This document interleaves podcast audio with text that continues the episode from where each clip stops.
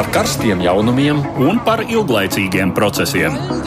Par idejām, par cilvēkiem, par naudu un par laiku.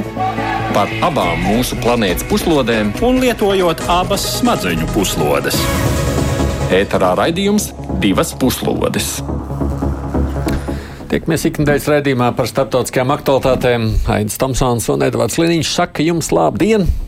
Pēdējo nedēļu laikā gan par Ukrajinu un Krieviju runājam arī nu, citos raidījumos, jo karš ir tā vissāpīgākā aktualitāte visās sfērās. Bet mēs gribam pievērsties plašākai tādai arī politisko procesu analīzei.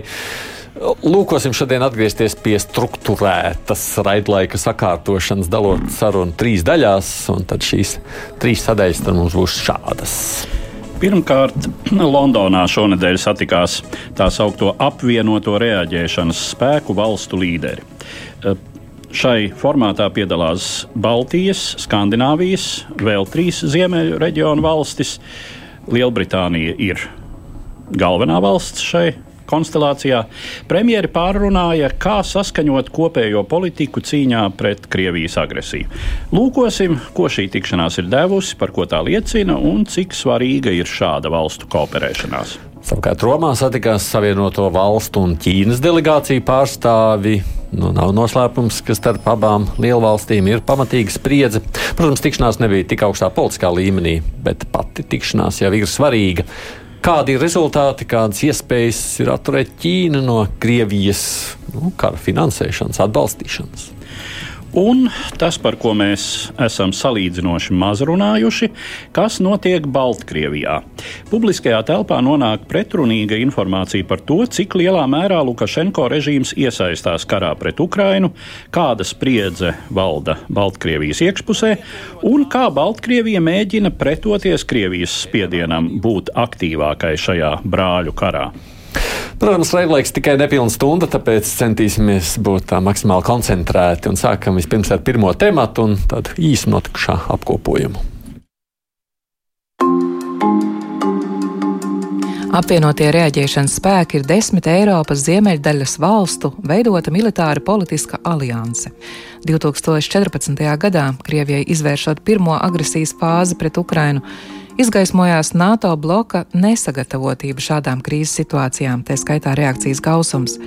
Viena no pieejām problēmas mazināšanai ir ciešāka sadarbība mazāku valstu grupu ietvaros, un apvienotie reaģēšanas spēki šai ziņā ir viens no spilgtākajiem piemēriem. Lielbritānija, kā tā dēvēta ietver nācija, angliski Framework Nation, ap sevi apvienojusi NATO dalību valstis - Nīderlandi, Dāniju, Norvēģiju, Islandi, Latviju, Lietuvu un Igauniju kā arī Ziemeļatlantijas līguma organizācijā neietilpstošās Somiju un Zviedriju. Kā par šo aizsardzības projektu ir izteicies Britu jūras kara flotes komodors Džeims Pārkins, apvienotie rēģēšanas spēki var rīkoties, kamēr NATO vēl domā. Geogrāfiski alianses uzmanības pamatā koncentrējas Eiropas galējo ziemeļu, Ziemeļatlantijas un Baltijas jūras reģionos, bet saprotams, ka tagad, kopš risinās Krievijas plaša mēroga karš pret Ukrainu, par nozīmīgāko jautājumu kļuvusi ar agresoru valsti robežoto alianses locekļu, sevišķi Baltijas valstu drošība. Šonadēļ alianses dalību valstu valdību vadītāji tikās Londonā. Vakar publiskotais tikšanās komunikē pauž visstingrāko nosodījumu Krievijas agresijai, apņēmību atbalstīt Ukrainu un panākt, lai Krievijai un tās vadonim nāktos atbildēt par starptautisko normu ignorēšanu un iebrukumu laikā pastrādātajiem noziegumiem. Putinam jācieš neveiksme, pauž komunikē. Tiešaistē dalībniekus uzrunāja arī Ukrainas prezidents Volodimirs Zelenskis, atkārtojot daudzkārt izskanējušo tēzi, ka Ukraina šobrīd karo par visas Eiropas demokrātijas nākotni. Krievijas propagandisti, norādīja Zelenskis, nebeidz atkārtot, ka karš Ukrainā ir tikai sākums. Viņa turpina iebiedēt un tagad saka, ka sekošot arī citas Eiropas valstis, pie tam piesaucot daudzus no jums, kas man šobrīd uzklausāt. Kopā ar mums studijā ir arī ārpolitikas institūta asociētā pētniece Elizabete Vizganova. Labdien! Labdien! Ko dod šādi desmit valstu formāti, nu vispār tādas tikšanās? Nu, Pirmām kārtām jau teiksim, šo te garantiju atkārtot nostiprināšana ir tātad, kā jau sižetā bija minēts, ārkārtīgi svarīga tieši mūsu drošībai un tādai kopējai, teiksim, šī te kopēja nor normās balstītā atbalsta paušana, tad ir tā primārā atturēšanas garantija, kas mums šobrīd ir. Tas ir arī tas, uz ko mēs faktiski varam paļauties. Jāņem arī, protams, vērā, ka patiešām šī Somijas un Zviedrijas iesaistas sūta ļoti nopietnu signālu arī agresīvai kaimiņu valstī, norādot uz to, ka teiksim, šis status quo, kas eksistēja pirms kara Ukrainā, attiecīgi šobrīd vairs nav iespējams. Un, nu, jāmin arī tas, ka, protams, kopš 14. gada ne tikai Krievija savos plānos, bet arī NATO dalībvalstis ir gan nopietni gatavojušās gadījumā, ja tātad kaut kāda nopietna reakcija būtu vajadzīga. Un es domāju, ka nu, primāri tātad šī tikšanās tātad, tā garantē atkārtot uzsver šo atbalstu, kas mums tik, mūsu sabiedrībām, galvenokārt psiholoģiski, ir tik ļoti nepieciešams. Jā, nav tikai NATO valsts, jo tur ir arī šajā reizē desmitnieki ārpus NATO valstīm esošas valsts. Nedot. Jā, tieši tā, un tas lielā mērā rāda šo alternatīvu eh, Zviedrijas un Somijas eh, tiešai iesaistēji NATO blokā, par ko arī tiek daudz runāts, bet tur joprojām ir zināmi politiski šķēršļi. Nu, teiksim, Zviedrijā šis neutralitātes status ir 200, uh, vairāk nekā 200 gadus vecs. Uh, politiski ļoti iestrādāts princips. Zviedrijas sociāldemokrāti nekad nav bijuši par to īsti. Viņiem ir jāmaina ļoti savas uh, politiskās nostādnes. Mm, Somijā, nu, Somijā teiksim, uh, šobrīd jau nepārprotami lielākā daļa sabiedrības ir par iestāšanos NATO, bet šis formāts rāda, ka tas nemaz nav obligāti. Ir citi risinājumi, ir citas šīs kombinācijas, kuras faktiski de facto aizstāja Eh, aizstāja tādu formālu iestāšanos NATO. Eh, un, eh, kā zināms, šķiet, ka šobrīd tieši šie mm, apvienotie rēģēšanas spēki ir sarīkojuši vienas uh, militārās mācības. Tas bija pagājušā gada rudenī, un tās notika Zviedrijā. Uh, piedaloties tātad gan NATO valstīm, gan citām valstīm. Un te ir uh, tas. Uh, būtiskākais, ka eh, šis formāts, kā jau tas arī tika minēts, ir uh, vērsts uz ātrāku reaģēšanu. Jo nu, šis jautājums par to, jā, NATO piektais pants, bet cik ātri visas šīs 30 valstis iekustēsies. Kustēsies, jā. es sarunājos ar premjeru arī šodien no rīta par to jēgu tam visam un ko tas dod. Premjeras Krišāns Kariņš pārstāvēja Londonā Latviju. Mums no rīta bija telefona saruna. Kāda jēga ir no šādām grupām un ko šī tikšanās dod?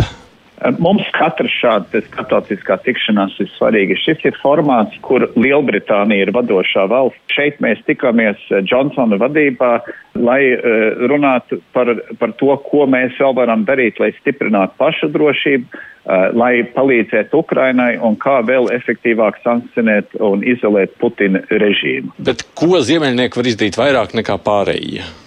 Eh, Ziemeļnieki nevar izdarīt vairāk, bet faktiski pēc noslēgtām vienošanās Ziemeļnieki var ātrāk iespējams norēģēt vajadzības gadījumā, jo tur nav vajadzīgi, teiksim, visu, uh, visu valsts konsensu un lielās sapulces. Tur pietiek, ja kaut vai divi partneri vienojās, piemēram, uh, Lielbritānija un Latvija, un viss, varētu teikt, jau notiek. Jo runāju par to, ka tieši uh, starp šiem ziemeļniekiem grib labāk koordinēt to, kurš uh, palīdz Ukrainai kādā veidā. Uh, jo proti, kas jau nav vēlams, ir tas, ka, nu, pieņemsim, Ukraina pieprasa tur sešas dažādas palīdzības, un visas valstis palīdz ar pirmo, otro, trešo pozīciju, un viens ar ceturto, piekto. Uh, un šādā veidā uh, labāk koordinējot, uh, uh, tas ir vēl viens veids. Šeit arī svarīgs elements ir tas, ka šeit ir iesaistīti arī Somija un Zviedrija, kas šobrīd nav uh, NATO valstis.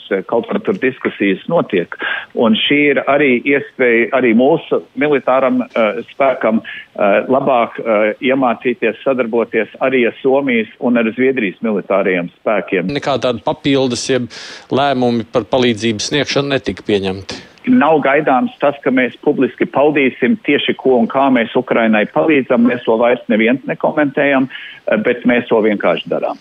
Tas tāpēc, lai Eh, tas ir tāpēc, lai uh, mazāk apdraudētu uh, piegājuši ķēdes uh, un lai tas, teiksim, no, uz malas arī tā skaitā Krievijai nebūtu tik ļoti redzams un zināms. Mums ir jāpalīdz Ukraiņiem efektīvi, mums nav šobrīd jābazunē, ko katrs dod, bet mēs un mēs arī Latviju dodam un dosim. Es gan saprotu, ka pašā Londonā tāda nekāda konkrēta lēmuma nebija pieņemta runājot par šo palīdzēšanu Ukrainai, bet vispār cik daudz mēs zinām par to, kā rietumi palīdz Ukrainai, ir daudz nezināmā? Nu, tāda kopējā jau šī perspektīva, es domāju, ir ļoti, ļoti plaša. Nu, teiksim, tā rietumu uh, alianses plašākā nozīmē. Tātad ASV un Rietumu valstu alianses, kā arī citu trešo valstu reakcija ir bijusi patiešām spēcīga. E, un, ja mēs, piemēram, to salīdzinām ar iepriekšējiem precedentiem 2008. vai 2014. gadā, attiecīgi, respektīvi Grūzijā vai Ukrainā, mēs patiesībā redzam, ka šī apņemšanās kaut ko darīt lietas labā ir ļoti nopietna. Tātad, pirmām kārtām, no Eiropas Savienības puses, tātad šis četras sankciju pakets, nu, nu, nu pat jau ceturtā apstiprināta vienpusējas sankcijas no valstu uh, puses. Pat individuālā līmenī mēs redzam, ka dažādi uzņēmumi, lielāki un mazāki multinacionāli atsakās sadarboties sadarboties ar Krieviju. E, tajā pašā laikā mēs redzam, manuprāt, vienu dažreiz aizmirstu aspektu, ja mēs runājam konkrēti par NATO un šo sadarbību ar Zviedriju un Somiju. Tātad, ka šī ir arī zināmā mērā ideoloģiskos apsvērumos, demokrātiskās vērtībās balstīta alianse, tātad NATO ir gatava mobilizēties, lai patiesi ne tikai palīdzētu Baltijas valstīm, bet atbalstītu Ukrainu tās cīņā par šo brīvību un demokrātiju. Un es domāju, ka šeit ir tā, tā patiesā būtība un tā akcents, un diemžēl iezīmēs tātad, kā runā par šo jauno dzelzceļa priekškaru, kas ir tātad balstīts arī šajā ideoloģiskajā šķēlumā starp rietumiem un austrumiem. Jā, savukārt runājot par to militāro, es saprotu, vai ne, ka būtībā mēs varbūt publika tā nereizēm vienmēr aizdomājamies. Bet droši vien, ka tur nu, notiek regulāras, mums daudz nezināmas palīdzības Ukrainai, vai ne?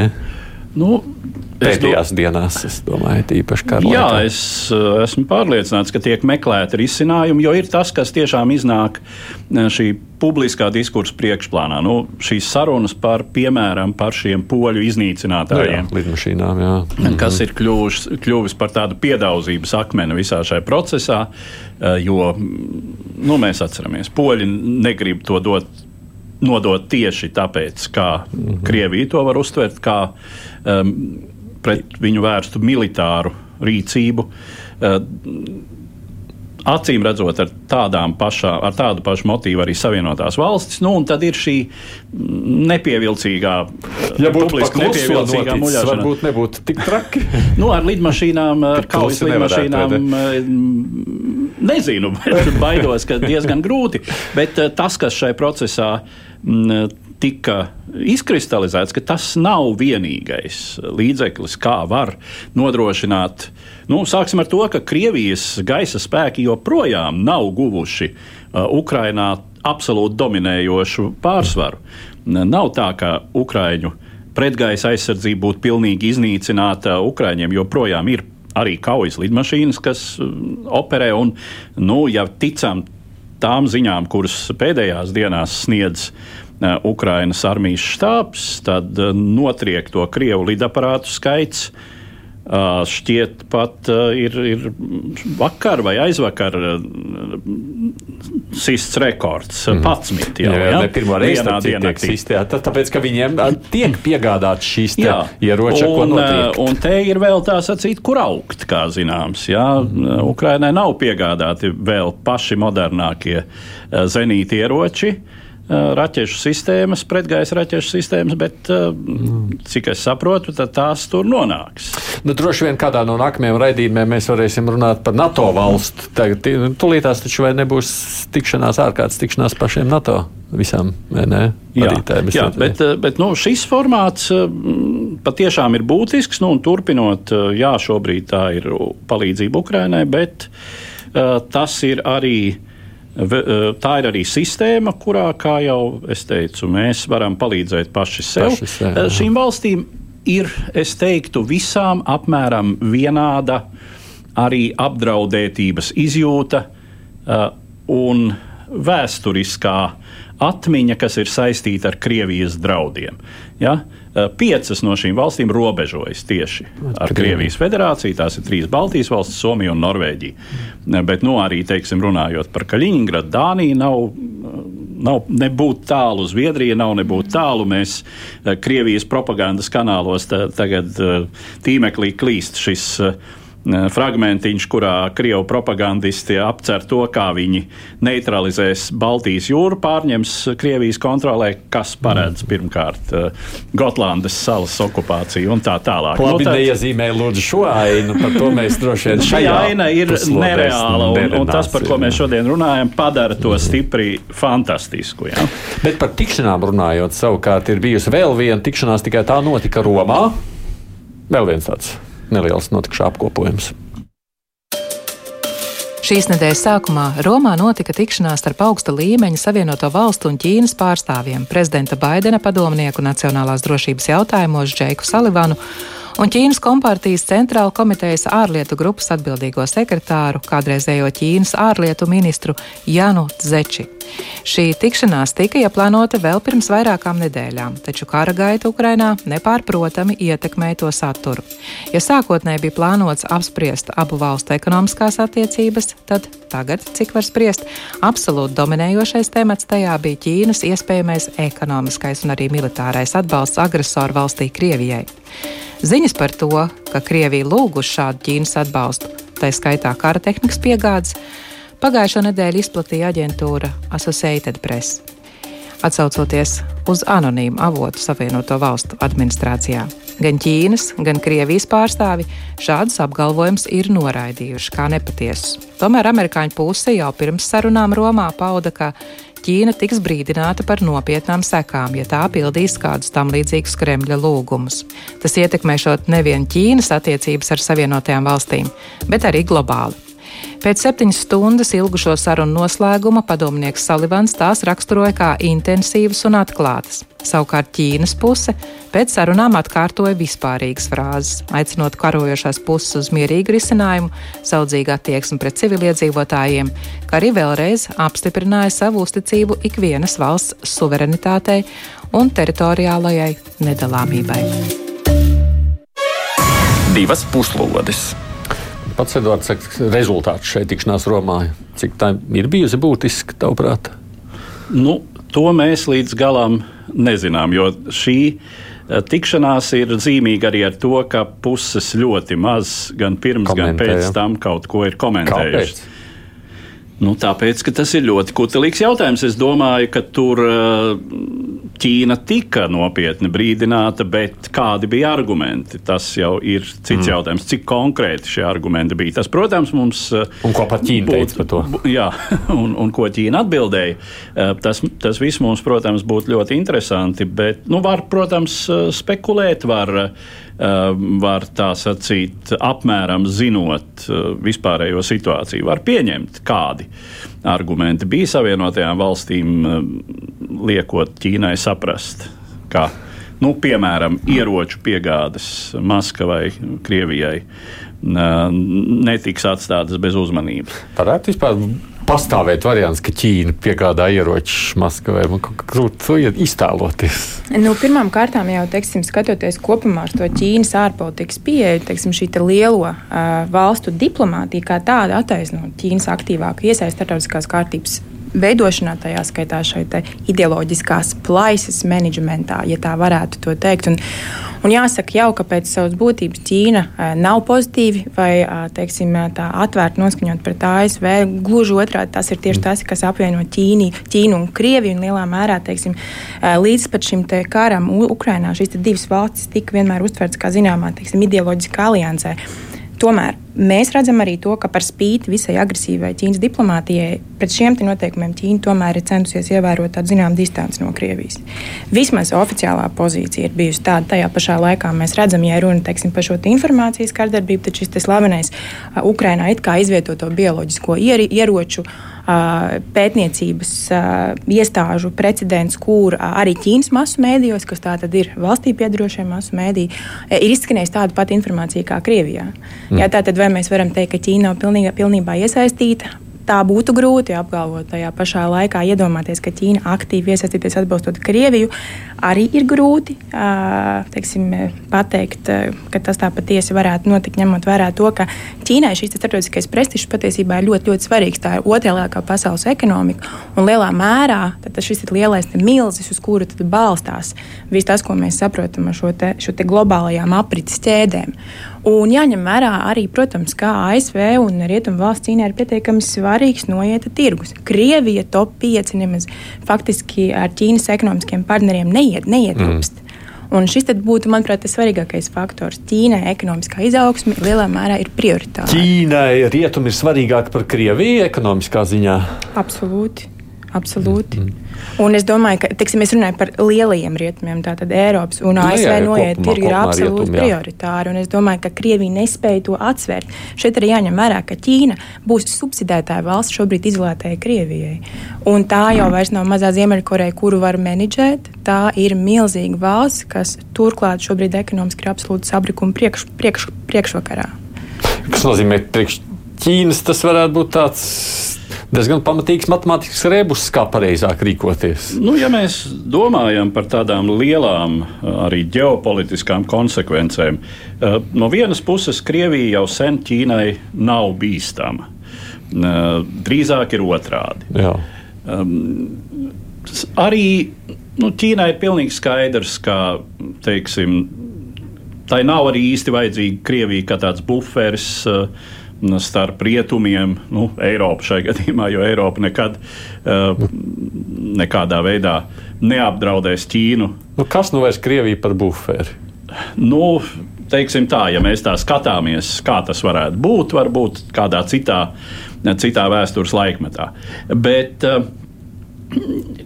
Ķīna ir ļoti konkrēts intereses, bet jau arī tiešām pilnīgi piekrītot. Ķīna ir uh, ražotāja valsts, eh, patēriņa preču ražotāja valsts. Eh, un eh, tas, kā faktiski sabiedrība primāri var paust savu attieksmi pret kaut ko nepieņemamu, nu, teiksim, mm -hmm. pret kādas kompānijas neadekvātu ekoloģisku uzvedību vai pret kādas valsts nepieņemamu politisku uzvedību, kā mēs to svaigi redzam Krievijas piemērā. Atteikšanās no šīs valsts ražojumiem. Ja?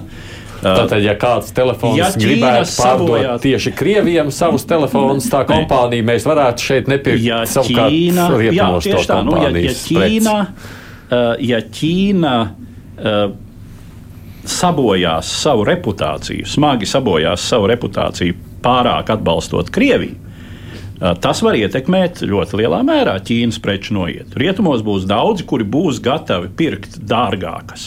Korejiešu. Korejiešu vēl dārgākas Japāņu, Japāņu preces, nevis ķīniešu. Ne visu nosaka nauda. Ja? Un Krievijas pašreizējā situācija ir tam visspilgtākais piemērs. Daudzas kompānijas pameta Krievijas tirgu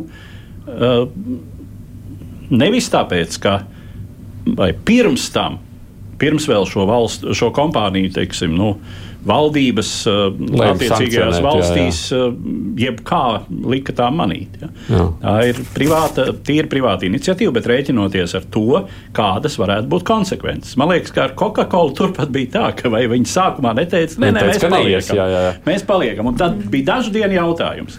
Jo acīm redzot, tika veikti tirgus pētījumi, tika veiktas aptaujas un saprata, kā Uh, ļoti lielā daļā pasaules, tad uh, Coca-Cola Coca Coca vairs nebūs mīļākais dzēriens.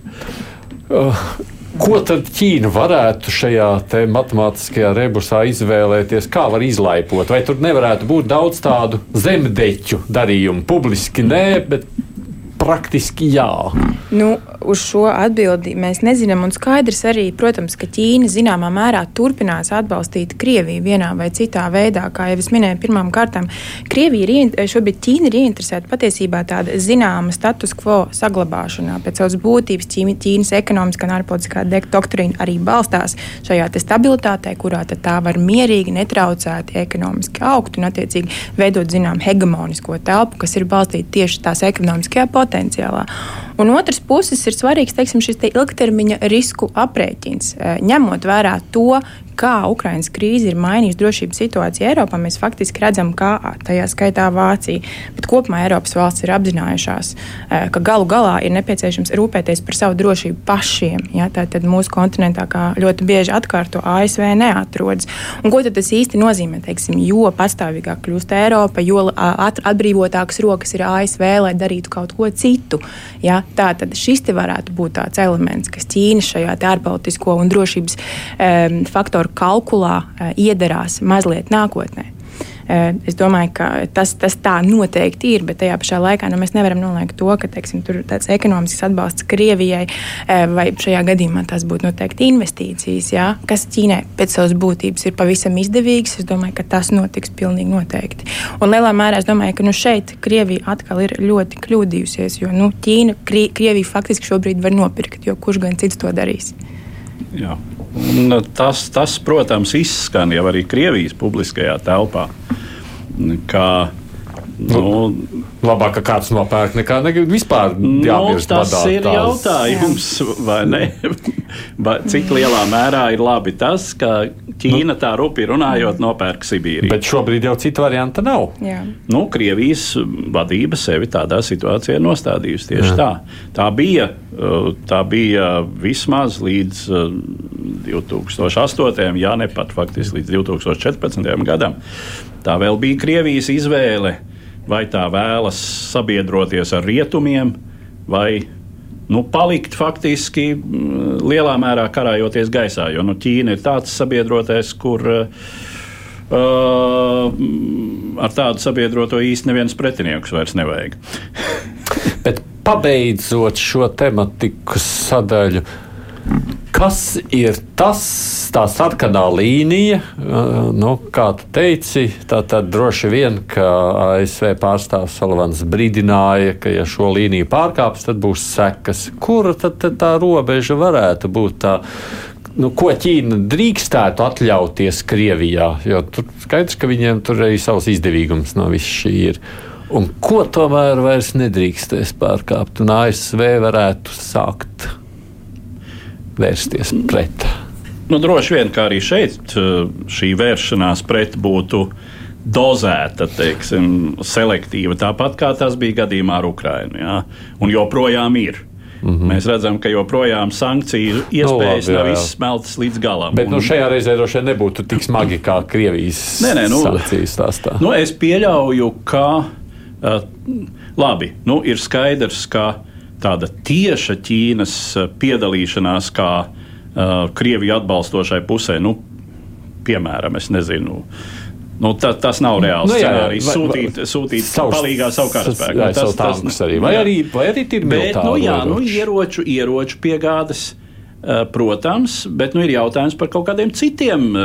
Arī strateģiski izmantojamiem materiāliem, ja, kas tāpat kara darbībai ir ļoti svarīgi.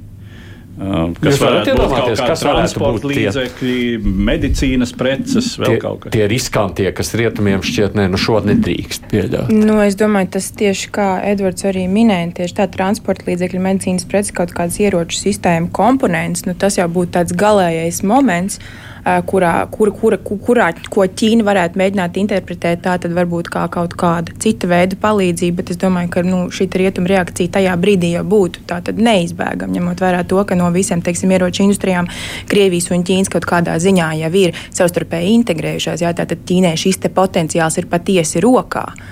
Bet es domāju, ka nu, teiksim, Es patiesībā pieļauju pavisam citu scenāriju. Es pieļauju, ka teiksim, no šīs Ķīnas puses šis spiediens varētu būt ne tik daudz uz rietumiem, bet kaut kādā brīdī sākties arī uz Krieviju. Tomēr domājat, kas varētu būt? Tas būtu, varbūt tas būtu man šķiet mazliet pat reālāks un zināmā mērā arī izdevīgāks. Eh, Ķīnai, lai tā tad, kā es minēju, saglabātu kaut kādā veidā šo menedžētu šo situāciju, ja, jo absolūti izjukušu Krieviju tas nav arī Ķīnas interesēs.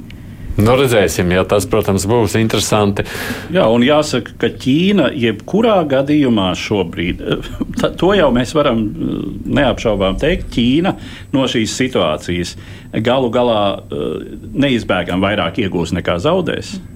Jo jau šobrīd ir redzams, ka Krievijai sasprindzinot savus spēkus eh, rietumos, Vidusāzijā proporcionāli nozīmīgi pieaug Ķīnas ietekme. Notiek regulāras konsultācijas video režīmā starp Ķīnas līderi Sīdziņu Piņu un piecu centrālā Azijas valstu vadītājiem. -hmm. Krievija tur nepiedalās un nav aicināta. Ja, par naudu pabeidzot šo tēmu, tad Dainis Gašpuits Twitterī rakstot, ka spāņu nav tiksls, es nemāku izlasīt bez brillēm, piedodiet. Raka sakalkulējis, ka karš Ukrainā Krievijai izmaksājot 910 miljonus eiro dienā. Nu, es domāju, reāls aprēķins. Tas nozīmē, ka, protams, ja tas ir pie miljarda dienā, tas grib vai negrib kaut kādā brīdī ar ekonomiski ir jārēķina pat tādai valstī kā Krievija. Runājot par karu Ukrainā, salīdzinoši taisnība, bet mēs esam mazāk pievērsušies Baltkrievijai, tāpēc ka Krievija tur ir tas galvenais spēlētājs. Nav jau, protams, šaubu, ka Baltkrievija ir kara dalībniece, devusi šo savu teritoriju kā placdarmu iebrukumam Ukrainā. Uh, bet nu, pati Baltkrievija ir bijusi pasīva. Kas tur īsti notiek? Tā informācija ir reizēm pretrunīga. Edvards ir dažs fakts centies zināmākos apkopot, klausāmies. Kopš Krievijas iebrukuma sākuma Ukrainā Baltkrievijas pašpasludinātais prezidents Lukašenko Alašs uzsvērs, ka Baltkrievijas bruņotie spēki šai kara darbībā nepiedalīsies. Līdzīgus paziņojumus viņš paudis ar zināmu regularitāti. Tomēr, jo ilgāk turpinās kaujas Ukrainā un attiecīgi aug Kremļa vajadzība pēc karaspēka rezervēm, parādās arvien jaunas spekulācijas par Baltkrievu karavīru iespējamu iesaisti šajā kara darbībā. Šai ziņā eļļu ugunī pielēs nesen notikušais incidents.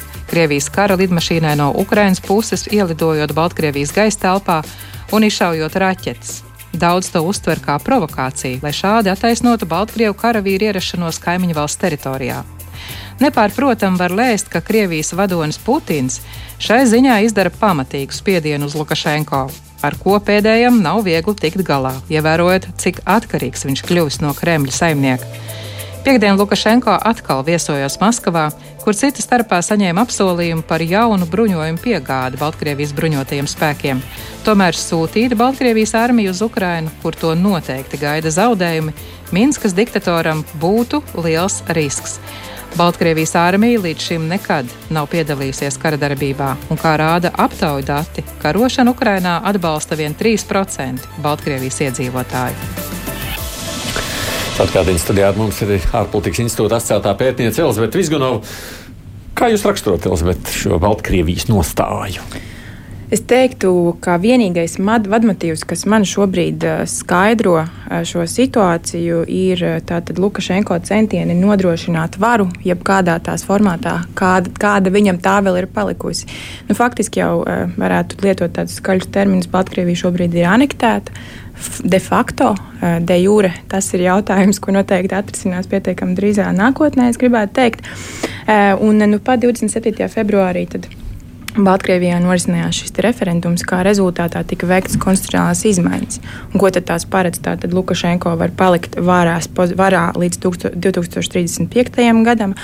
Eh, un tas svarīgākais, iespējams, mums arī uztraucošākais elements ir teiksim, šī te neitrālās valsts, kodolneitrālās valsts stat, atteikšanās no šī kodolneitrālās valsts statusa. Nu, ko tas faktiski nozīmē? Ka, ka nākotnē Baltkrievija tā var kļūt par plātsdarmu Krievijas eh, kodolieročiem eh, un vēl papildus tam jānorāda, ka nu, šīs izmaiņas šajā konstitūcijā um, jau tajā 27. februārī nāca ar kaut kādiem zināmiem protestiem no sabiedrības puses. Tātad kaut kas, no kā Lukašenko šobrīd pilnīgi noteikti baidās. Pēc 2020. gada notikumiem lielā mērā, kad viņš knapi noturējās pie varas, pie tam ar ļoti drastiskiem mēriem, kur nosodīja visu rietumu pasauli, nu, viņam vairs nav alternatīva. Ja? Tātad šīs sankcijas, kas ir vērstas pret Krieviju, daļa no tām ir vērstas arī pret Baltkrieviju. Lielā mērā tā ir absolūta vasaļu valsts Krievijai, un Krievija ir vienīgā valsts, kas nosaka šo Lukašenko spēju. Viņi neiet iekšā ar savu karaspēku joprojām. Nu, šobrīd viņi neiet iekšā teiksim, ar savu karaspēku atklātā formā, bet fakts, ka šī valsts patieši kalpo par, patiešām kalpo par placdarmu un par Krievijas tātad, uzbrukuma. Um, tādu kā eh, teiksim, tādu galveno pozicionēšanās vietu. Es, es domāju, ka uh, Baltkrievijas iesaisti nav uh, ne izslēdzama, ne noliedzama. Ja? Tā, bet, tā ir tikai tukša retorika. Jā, kāpēc tomēr šobrīd tā retorika tiek uzturēta un neietiek šai? Nu, jāņem vērā, ka šī Lukašenko pozīcija jau kopš 14. gada attiecībā uz uh, Krievijas iebrukumu Ukrainā jau tad bija pietiekami nenoteikta. Viņš patiesībā visu laiku ir centies distancēties no jautājumiem, vai pat dažreiz, ja nemaldos, tiešā veidā norādījis, ka viņš nav par šo Krimas aneksiju. Jo lielā mērā šī suverenitāte un iespēja balansēt starp austrumiem un rietumiem ir bijusi viņa veiksmes atslēga. Protams, līdz ar 2020. gada nogales notikumiem viņš šo veiksmes atslēgu ir pilnībā zaudējis. Ja? Bet, eh, bet eh, ņemot vērā to, ka viņa interesēs ir noturēties pie varas, saglabāt kaut kādu Baltkrievijas suverenitāti, kaut vai ja tas tā tikai izskatās, nevis pēc būtības tā ir. Nu, tas ir tas, kas viņu interesē. Tavuprāt, Eduard, Putins mēģina piedabūt, lai arī Baltkrievija iesaistās aktīvāk šajā karā? Nezinām. Nu, līdz galam nezinām. Es domāju, ka Putins saprot arī tos riskus, eh, kurus nestu līdzi šāda Baltkrievijas armijas iesaiste. Par Baltkrievijas armijas pat nerunājot par ļoti konkrētajām kaujas spējām. Iespējams, ka Baltkrievijas armija pat ir mazāk izzakta un mazāk, teiksim, eh, korupcijas noplicināta nekā mēs to redzam ar Krievijas bruņotajiem spēkiem. Bet, eh, nu, kā jau minēts, pilnīgi bez kaujas pieredzes, bet galvenais - motivācija. Eh, ja eh, Putinam ir izdevies indoktrinēt eh, Krievijas sabiedrību, Krievijas sabiedrību, un jo sevišķi tos, kurus mēs varam saukt par lielkrieviem, par to, ka viņi tiešām daudzi uh, dodas uz Ukrajinu cīnīties pret nacismu, jā, pret fašismu, jā. jā, pret sliktajiem ukrāņiem, un vispār viņi dara pareizi, jo tā ir viņa misija. Jo citādi Krievija aizies bojā. Mm -hmm ja, tad Baltkrieviem šādas motivācijas nav. Nu, Baltkrievi vienmēr ir uzskatījuši sevi patiešām par Ukraiņu brāļu tautu. Tur ir vēl vairāk nekā ar Krieviju radniecīgu saišu. Tur ir ģimenes, kas ir vienā un otrā robežas pusē. Nu, arī Faktiski Dienvidu Baltkrievija un, un Ukrainas ziemeļ, ziemeļ rietumu, ziemeļu gals turpat ir uh, valodiski uh, apgabali, kur, kur robeža šķeļ pa vidu, bet, bet nu, tas dialekts ir tas pats. Ja. gandrīz tas pats vai stipri līdzīgs un tā tālāk. Tā tad, uh, milzīgs risks, kā šīs vienības, kuras iesūta Baltkrievijā, var vienkārši atteikties pildīt kādus kaujas uzdevumus, var teiksim, pāriet, var dezertēt masveidā. Nu, tas tādu gadījumu vēsturē, nu, te, protams, uzprasās analoģijas ar nacistisko Vāciju un, un Itāliju. Ja? Un Lukašenko jau nereiz ir dēvēts par tādu putu Putina Musolīni, ja, uh, kurš, kur, kur, uz kura armijas uh, motivētību cīnīties, un sevišķi jau cīnīties Ukrajinā, paļauties nevar. Un ja sākas kaut kādas nopietnas problēmas Baltkrievijā, un šajā brīdī, teiksim, jā, šobrīd Lukašenko ir izdevies iedzīt totālā pagrīdē, jebkuru nu, faktiski likvidēt, pat ne tikai opozīciju. E, es nu, nu pat šorīt klausījos Baltkrievu opozīcijas līdera viena no trimdā esošajiem opozīcijas līderiem, Pāvila Latuško interviju, kurā viņš teica, e, Lukašenko jebko pret sevi potenciāli vērstu ir ierullējis asfaltā. Baltkrievijā nav ne, ne tikai opozicionāru partiju, tur vispār nav neatkarīgu sabiedrisku organizāciju. Tur ir palikušas uh, tikai valsts kontrolētas struktūras. Mm. Bet tas neizslēdz to, ka tad, ja uz Baltkrieviju arī sāks pienākt šīs 200 kravas. Ja? Uh, līķiem, konfliktā bojā gājuši, nogalināti Baltkrievu karavīri. Uh, sabiedrības šie 97% uh, var, var tomēr sākt savu attieksmi paust pavisam citādi. Un jā, nu man, ir, man šķiet, ka Krievijai šobrīd pat tīri militāri vairs nav spēku, lai turpinot karu Ukrainā, vēl arī okupētu un reāli sāktu tu, turēt uh, pakļautībā Baltkrieviju.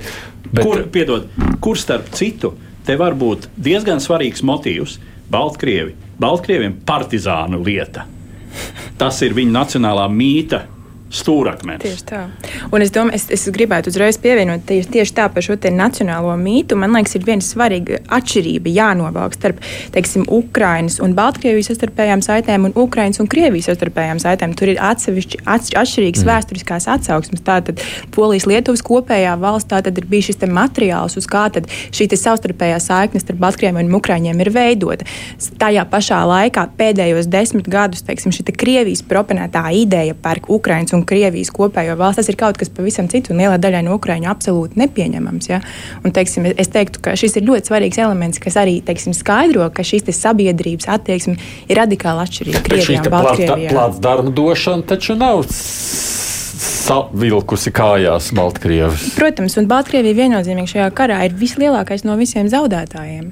Bet, diemžēl, viņiem nav šobrīd nekādu balss tiesību patiesībā. Tieši tāpēc, ka diemžēl, 2020. gada beigās noris šie notikumi e, visā Baltkrievijas teritorijā, kā rezultātā, kā minēja Edvards, tā tad ir zudusi gan jebkura neatkarīga civilā sabiedrība, gan jebkura opozīcija, bet šī opozīcija turpina dzīvot sabiedrībā. Turklāt tā ir sabiedrība, kurai ir šī pieredze ar tādu masu mobilizāciju. Protams, mēs to redzam arī šobrīd Krievijā, ja, bet tā situācija ir gluži vienkārši pretējo. Tas, kas notika Baltkrievijā, tas bija absolūti spontāni un tas bija nu, ārkārtīgi spēcīgi. To izdev, izdevās apturēt tikai ar absolūti brutālu spēku.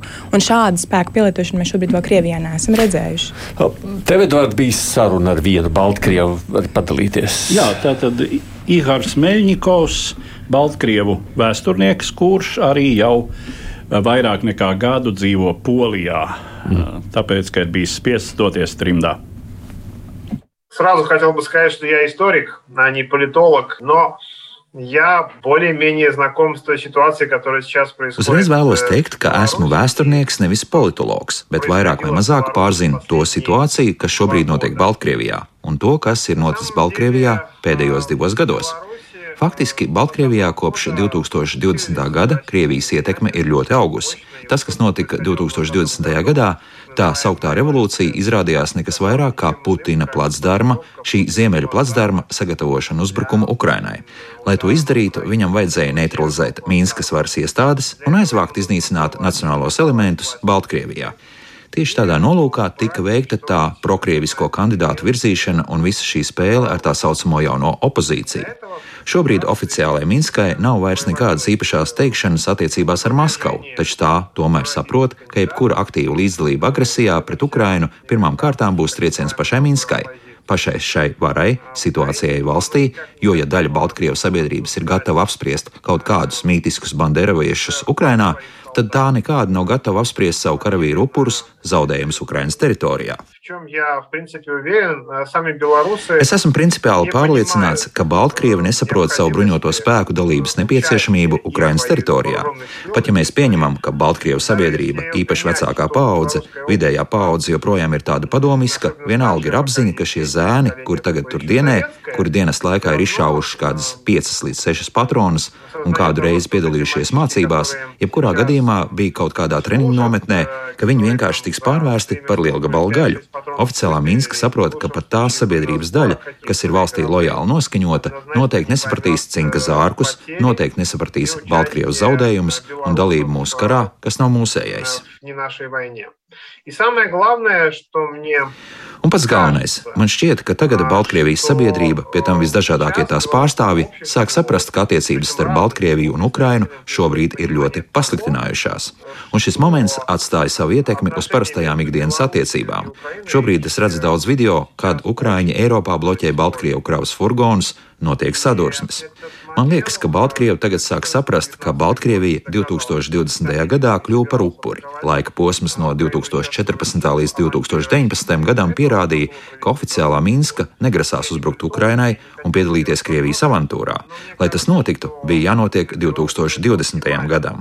Neesmu politologs un negribētu izteikt prognozes, bet man šķiet, ka Baltkrievija oficiālā Minska cik vien iespējams vilks garumā ar iesaistīšanos šajā karā pret Ukrainu. Man šķiet, ka Baltkrievijas armija nav gatava, un šeit nav runa par kaut kādu atteikšanos izpildīt pavēli un tam līdzīgi. Šis vienkārši nav mūsu karš. Man šķiet interesants tas viņa secinājums, ja doma, ka arī tas 20. gads bija pašs Krievijas izprovocēts. Lukašenko šādu piemuļķojot. Tā varētu būt. Es domāju, ka nu, lielā mērā jau teiksim, šī te Lukašenko muļķošana vienā vai citā veidā ir notikusi ļoti ilgi. Nu, teiksim, es domāju, ka šīs attiecības, kas Krievijai ir bijušas ar Mīnsku, nu jau gadiem, it kā Minskai cenšoties izspēlēt šo multivektorālo diplomātiju, nu, nav bijuši īsti godīgs pret Lukašenko. Kaut arī viņš, protams, ir centies rādīt šo savu sabiedrisko tēlu, kā it kā tāds tautas vadonis šī ir ekonomika, uz ko faktiski jau ļoti ilgi subsidē Krievija un šī ekonomika nekad nav bijusi pašpietiekama. Ja? Tādā formātā, kāda viņi strādā, viņi nav, viņi nav spējīgi funkcionēt bez Krievijas subsīdijām.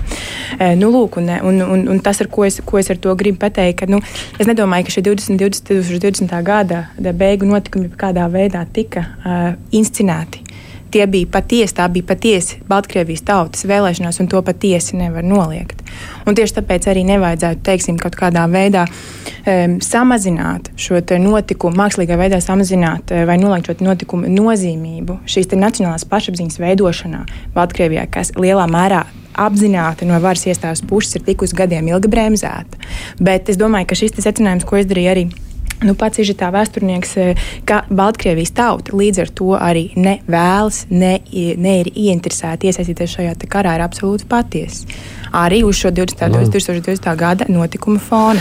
Bet tas nebūtu 20. gada. Nevarētu jā, jā. jau Putins ieiet pie Kijavas tā no Baltkrievijas puses. Viņam tas bija. Nu, nu, va, jā, vai arī kā... ļoti labs stimuls kaut kādā jā. veidā? Uh, jā, it kā tā ir, lai gan. Uh, Nu, kaut eh, es visnotaļ cienu uh, Iharu Meļņikovu kā vēsturnieku. Nu, es tomēr pieļauju, ka šajā secinājumā, kas acīm redzot, eh, viņš ne tuvu nav vienīgais, kas mhm. šobrīd Baltkrievijas trimdā tā domā, uh, bet nu, tā ir zināma mm, trimdas uh, un šīs. Uh, absolūtās visas opozīcijas izraidītības trimdā tāda psiholoģiska blakne. Uh, šī doma, ka nu, tur viss ir ticis uh, pilnīgi inscenēts un ka teiksim, Putins ļoti gudrais un viedais un, un lieliskais aprēķinātājs Putins visu bija izskaidrojis jau sākumā, uh, iemeta šos kaut kādus. Jā, tiem prezidenta kandidātiem, kuri tika izslēgti no konkurences ar Lukašenko, tobrīd tur bija Eh, faktiski visi viņi deklarēja, ka saglabās ciešās attiecības ar Krieviju. Nu, tur bija nu, tur jau pat kāda bija tāda Babariko, vai ne? Babariko, kurš, jā, kurš, kurš bija ļoti cieši saistīts ar Krieviju. Bet, tieši tas, kas eh, patiešām neietilpa un nevarēja ietilpt jebkurā Putina aprēķinā, un kas ir jau simptomātiski Putinam. Putins nerēķinās tādā veidā ar uh, nācijas pašapziņu. Jā. Uh, tāpat kā viņš šai ziņā ir nu, absolūti smagi aplausies Ukrajinā. Tāpat, tāpat es domāju, tas ir Baltkrievijā šobrīd. Protams, tas mēs jau uzskaitījām tos iemeslus, tātad, kāpēc pašā Baltkrievijā tas neizpaužas, bet tas ir tā. Ja, ka, mm. zaudējumi Baltkrievu karavīru bojāja Ukrainā, eh, var būt tas eh, detonators, kas palaiž absolūti smagu un nekontrolējumu atkal eksploziju. Jūs teicāt, Elizabete, ka tas jautājums par de jure Baltkrievijas status arī tiks atrisināts. Jūs tā kā domājat, ko ar šo? Nu, es gribētu teikt, ka eh, pirmām kārtām eh, jārunā jau par teiksim, šo te ļoti augsto līmeni savstarpējās integrācijas, kas tām divām valstīm ir. Tātad, ja ilgstoši notiek teiksim, šīs te sarunas par šo kopējo valsti, viņas tad it kā pastiprinās, it kā uh, atkal kaut kur tiek noliktas. Lielā mērā tas ir bijis pateicoties arī tam, ka Lukašenko ir mēģinājis spēlēt šo multivektorālo diplomātiju līdz kaut kādam vienam brīdim, ka tas vairs nebija iespējams. Tātad, tagad jau mēs faktiski redzam, ka tātad, kā, kādi ir fakti. Tātad šo valstu ekonomika savstarpēji ir pilnībā integrēta, šo valstu militārie spēki faktiski ir pilnībā integrēti, un tie ir tādi divas valsts, divas valstu neatkarību un suverenitāti definējoši elementi. Maskava faktiski kontrolē Mīnskas uh, centrālās iestādes, tām vairs nav pilnīgi nekādas teikšanas ne par savu ārpolitiku, ne lielā mērā par kaut kādiem ekonomiskajiem lēmumiem. Un mēs, tā, tas, ko mēs faktiski redzam, šī ir fasādes marionetes valsts, kura it kā turpina eksistēt, tik ilgi, kamēr Krievijai tas ir izdevīgi. Jā, un, protams, ka Baltkrievija, nu, ir šī neatkarīgā vēsture, bet patiesībā šādus precedents ar šādām marionešu valstīm mēs redzam visā postpadomju telpā. Tātad Moldovā, Gruzijā, Ukrainā mēs patiesībā nezinām, cik ša, vēl šādas marionešu valsts varētu rasties šī konflikta rezultātā, mēģinot to kaut kādā veidā iesaldēt. Un, un tāpēc man jāsaka, nu, ka Baltkrievijas pastāvēšana lielā mērā ir absolūti un pilnīgi Putina teiksim, varas aparāta rokās. Jā, protams, es nezinu, kā formāli tas tiks risināts, bet pēc savas būtības. Eh, mēs redzam, ka liela daļa no valsts suverēniem instrumentiem jau ir deleģēta Krievijai. Bet mēs jau nezinām, kas notiks ar Putinu šobrīd. Mēs vairs neko nezinām. Ne? Līdz ar to droši vien Lukašenko liktenis ir Putina liktenis un otrādi. Jā? Nu, ļoti lielā mērā, jā. Un uh, pie kam šī nav pat īsti vienvirziena kustība? Jo, kā jau teicu, krītot Lukašenko režīmam Baltkrievijā, eh, šis režīms ir apmēram tikpat lielā, ja ne pat vēl lielākā mērā viena cilvēka, teā, viena aktiera teātris. Ja? Uh, grūti iedomāties, jā, nu var ielikt kaut kādu vietvaldi, uh, bet uh, Arī Putino, Putinam vajadzētu būt ļoti bažīgam par to, kas notiks, ja, ja viņa uzticamā ja? sabiedrotā Lukašenko eh, Minskā vairs nebūs. Viņam ir jārūpējas par to. Šī iemesla dēļ viņš taupīs Lukašenko un Baltkrievus nesaist, ne, nedzīs iekšā Ukraiņas teritorijā. Nu, mēs eh, atkal, jā, nu, tās ir tādas prognozes, kur, kur, kur var piedodiet par trivialitāti, kāpēc mēs to uz konjaku sadarēt. Ja? Eh, bet, eh, nu, kas taisnība sakot, nebūtu vietā. Runājot par karu, jo tās neizbēgami ir cilvēku dzīvības. Bet, Nu, mēs jau te uzskaitījām tos argumentus. Es teiktu, ka drīzāk ka risks ir pārāk liels, tad ir jābūt uh, nu, kaut kādai totālai izmisuma situācijai.